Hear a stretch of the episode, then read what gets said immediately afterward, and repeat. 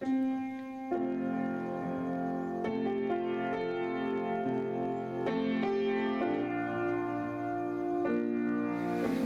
hier in my sitkamer. Ons leef in vreemde tye en dan word ons ook gedwing om op 'n nuwe manier kerk te wees in hierdie dae. Veral ook in hierdie tyd die die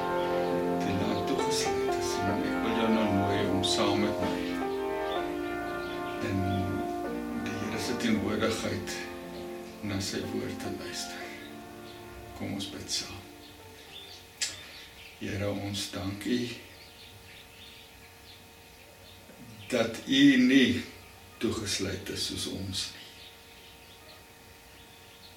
Dat U steeds regeer in ons wêreld. Dat ons op hierdie manier al is ons nie fisies bymekaar nie, tog in die gees een is, saamgebind deur die gees saam verenig voor u woord. En Here wil u ook nou vir ons wanneer ons hier saam is seën. Wil u met ons elkeen besig wees. Ons vra dit in Jesus se naam.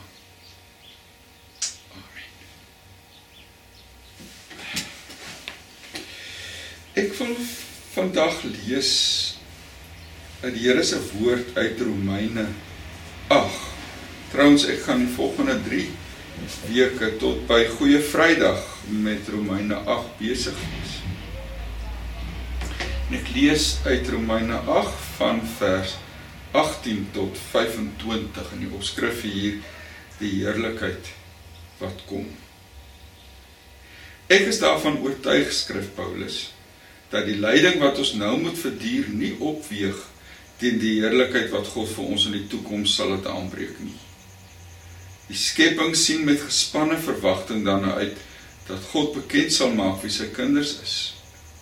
Die skepping is immers nog aan die verydeling onderworpe, nie uit eie keuse nie, maar omdat God dit daarin onderwerp het. Daarom het hy die belofte van hoop gegee. Die skepping sal self ook bevry word van sy verslawing aan die verganklikheid om so tot die vryheid te kom van die heerlikheid waaraan God, ah, die kinders van God deel sal hê. Ons weet dat die hele skepping tot nou toe sug in die pyne van verwagting en nie net die skepping nie, maar ons ook wat die Gees ontvang het as eerste gawe van God. Ons sug ook. Ons sien daarna uit dat God sal bekend maak dat hy ons as sy kinders aangeneem het. Hy sal ons van die verganklikheid bevry. Ons is immers gered. En ons het nou hierdie hoop. Wat 'n mens al sien, hoop jy tog nie meer nie. Wie hoop nog op wat hy reeds sien, maar as ons hoop op wat ons nie sien nie, wag ons daarop met volharding. Skryf hier in in vers 19 die skepping sien met gespanne verwagting dan uit dat God bekend sal maak wie sy kinders is. Nie net die skepping sê vers 23 maar ons ook. Ons wat die gees ontvang het as eerste gawe van God ons sug ook. Dis die woord van die Here volgend. Toe ek die afgelope week weer 'n keer na Paulus se loflied op die liefde in 1 Korintiërs 13 gekyk het was daar een ding wat vir my uitgestaan het in Paulus se beskrywing daar. Hy sê die mens wat liefhet is hy so op homself ingestel dat hy nie meer 'n oog het en 'n hart het vir ander mense nie.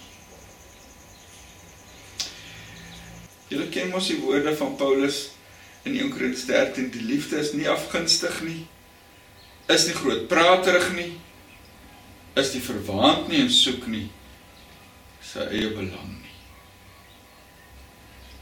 Ek het nogal aan ons eie tyd gedink toe ek dit lees. Dit is my ongelooflik hoe mense ewe selfsugtig reageer op die maatreëls wat die regering aangekondig het om die die verspreiding van die virus te probeer bekamp. Mense gaan aan asof dit hulle nie raak nie, asof hulle optrede nie saak maak nie, asof wat hulle doen niks met ander mense te doen het nie. Die liefde soek nie sy eie belang nie. En dit is die gesindheid waarin ek en jy in hierdie tyd moet leef in hierdie tyd van afsondering en en agter die toedeure. En dis nie verniet dat Paulus dit daar skryf in 1 Korintiërs 13 nie want ons kan tog soos verskriklik bewus wees van onsself, ons eie situasie, ons eie probleme dat ons nie ander raak sien of of aan ander mense dink nie. Dis my verstommend hoe party mense ander se nood afmaak asof dit niks is en net hulle eie nood, hulle eie hulle eie ongerief, hulle eie probleme raak sien. Ek het in die week op plasing op Facebook gesien wat my nogal diep laat dink het. Terwyl ons almal so in onsekerheid en angstigheid die die 3 weke van afsondering ingaan. Plaas iemand 'n foto van 'n plakkerskamp op Facebook en hy skryf daaronder: Hoe moet dit vir hierdie mense wees om 3 weke opgesluit te raak? Ander mense het ook probleme. Die Bybel wil ons oë daarvoor oopmaak dat ons swaar kry, ons seer, ons nood nie die enigste is wat daar is nie. Ons nood en swaar kry en seer pas in in 'n baie groter prentjie. Die hele skepping, sê Paulus hier, sug saam met ons. En die ganse skepping is saam met die mens aan die verydeling onderwerp, soos Paulus dit noem. En die skepping wag net soos ons dat die stukkendheid van die wêreld oor sal gaan en dat God weer alles heel sal maak. Die stukkendheid het hierdie wêreld getref. Lees ons daar in Genesis 3, toe toe die sondeval in die wêreld gekom het en dan sê God vir Adam en Eva vervloek is die aarde om jou ontwil. En daarom sug die skepping net soos ek en jy dat God 'n einde aan hierdie ding sal maak. Hele skepping is in die pyne van verwagting. Dink maar aan die droogtes, die oorstromings, die uitsterf van die plantspesies, besoedeling, die gat in die ozonlaag die uitput van die natuurlike hulpbronne. Die peste, die plaag, die hele skepping sug. Want hy's hy's siek. Maar nie net die skepping nie, ons sug ook sê Paulus. Dink maar aan die bevolkingsontploffing. Die hongersnood in groot dele van die wêreld, oorlog vlugtelinge vraagstuk, die misdaad, geweld, werkloosheid. En nou in hierdie dae die koronavirus. Dis asof die hele skepping in 'n hoek gedryf is. En maar net nie aan die gang kan kom nie. Hy het die pad verloor. Hy kan nie daar uit die hoek uitkom nie. Paulus sê die skepping is aan die verydeling onderworp. Hy is ontspoor. Hy kan nie weer sy pad vind nie. Ons weet al hierdie dinge uit die Bybel. Dit het ons lees ons mos daar in Genesis 3 waar waar God vir Adam en Eva sê omdat jy na die slang geluister het, is die aarde vervloek. Dis waar al hierdie probleme in die wêreld om ons vandaan kom. Die die siek aarde met die kweekhuisgasse en die besoedelingsprobleem. Maar die ongelowiges weet ook dat die wêreld stikkend is. Ek meen dit is dit is is onmoontlik om dit nie raak te sien nie. Daar's 'n groot skroef los met planeet Aarde. En met die mense wat op hierdie planeet woon. Nou die ongelowige mense hierdie dinge sien, dan gooi hy hande in die lug en raak moedeloos, twyfel hy aan God. Draai sy rug op God. Die gevaar is dat ek en jy wat gelowiges is, wat God ken, wat God liefhet, wat God se woord ken, dat ons ook soos die ongelowiges sal reageer en hande in die lug gooi, handdoek ingooi. Dat die toestand van die wêreld ons moedeloos maak en en ons laat twyfel aan God se vermoë om hierdie wêreld te red. Of aan sy wil om hierdie wêreld te red. Daarom loop mense met hangskouers deur die lewe, moedeloos, sugtend, klaand. En dis waar Paulus ons in Romeine 8 wil herinner. Dat hierdie wêreld wat ons om ons sien, hierdie stikkende gebreekte wêreld, dat dit nie al werklikheid is wat bestaan nie, dat daar 'n ander werklikheid is. 'n Werklikheid van God wat hierdie wêreld in sy hande hou. dat Christus deur sy koms en sy lyding aan die kruis die stikkendheid van hierdie wêreld en van jou en my op homself geneem het dat hy dit oorwin het die sonde wat die wêreld gebreek het verslaan het. En daarom 'n nuwe toekoms vir ons kom skep het. 'n toekoms wat deur sy oorwinning oor dood en verganklikheid vir ons verwerf is.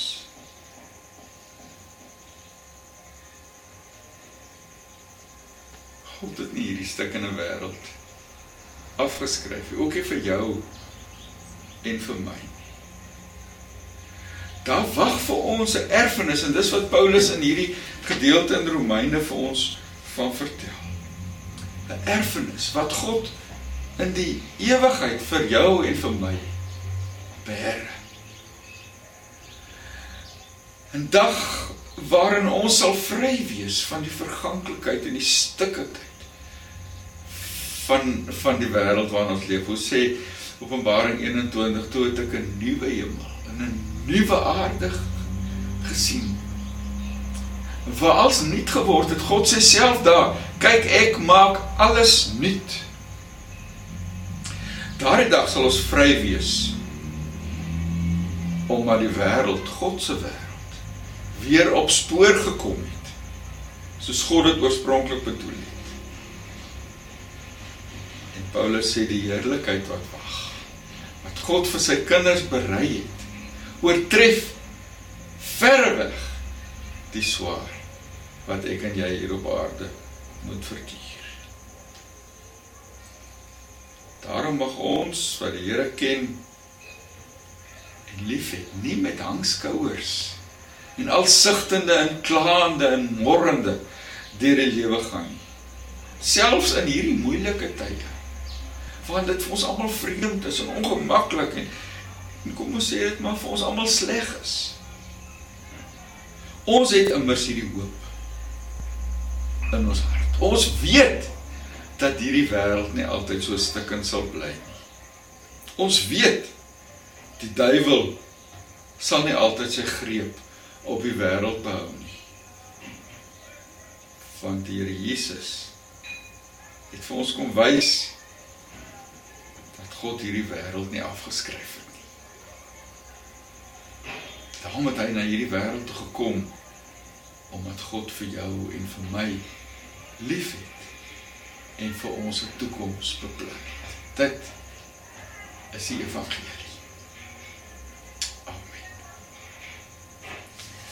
Kom ons bid saam. Here, Ons bid vir die nood van die skepping en van die mensdom.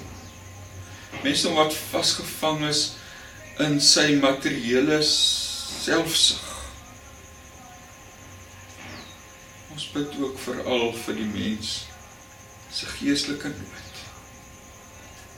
Die wêreld om ons en die mense om ons vergaan. Here, ons bid vir hierdie wêreld. Dat U hierdie wêreld uit sy verganklikheid sal red. Dat U alles nuut sal maak en ons ook, Here, ons verlang na U. In hierdie tyd van onsekerheid en en kommer oor waarheen die virus ons gaan vat. In hierdie wêreld waar mense sê niks gaan weer dieselfde wees nie, selfs al is die virus verby. Ons word in hierdie wêreld, in hierdie tye herinner Here daaraan dat U eendag weer sal kom. Daar wil ons soos Jakobus vir ons sê ook in hierdie tyd dit louter vreugde ag dat ons swaar kry want ons weet U trek ons oë deur die swaar kry op na U toe sodat ons weer vanuit U hemelse perspektief na hierdie wêreld kan kyk en na hierdie wêreld kan teruggaan met hoop dat ons draers van hoop kan wees. Ons dank U Here vir die belofte van die ewige heerlikheid wat op ons wag. En die hoop wat dit vir die skepping, vir die mensdom, vir onsself inhou.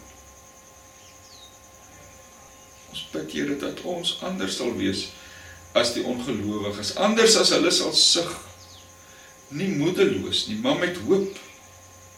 Met die gebed kom Here Jesus. Ja, kom haastig. Ons bid vir hulle, Here, wat swaar kry. Angstig is omdat hulle kwesbaar is vir die virus. Ons bid vir hulle, Here, wat wat gesondheidsprobleme het, immuniteitsprobleme het. Ons dink aan ons ouer mens lidmate. Here, ons dink aan hulle wat wat siektes onderlede het.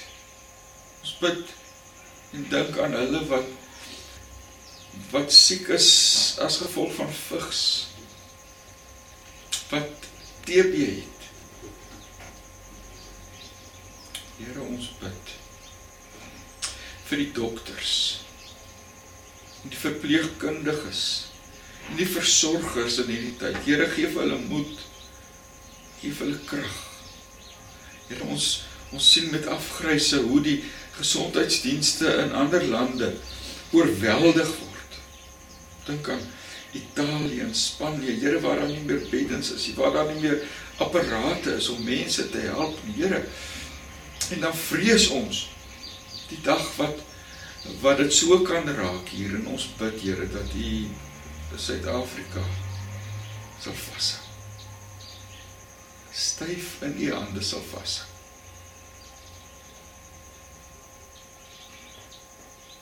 Ons vra dit in die naam van ons Here Jesus.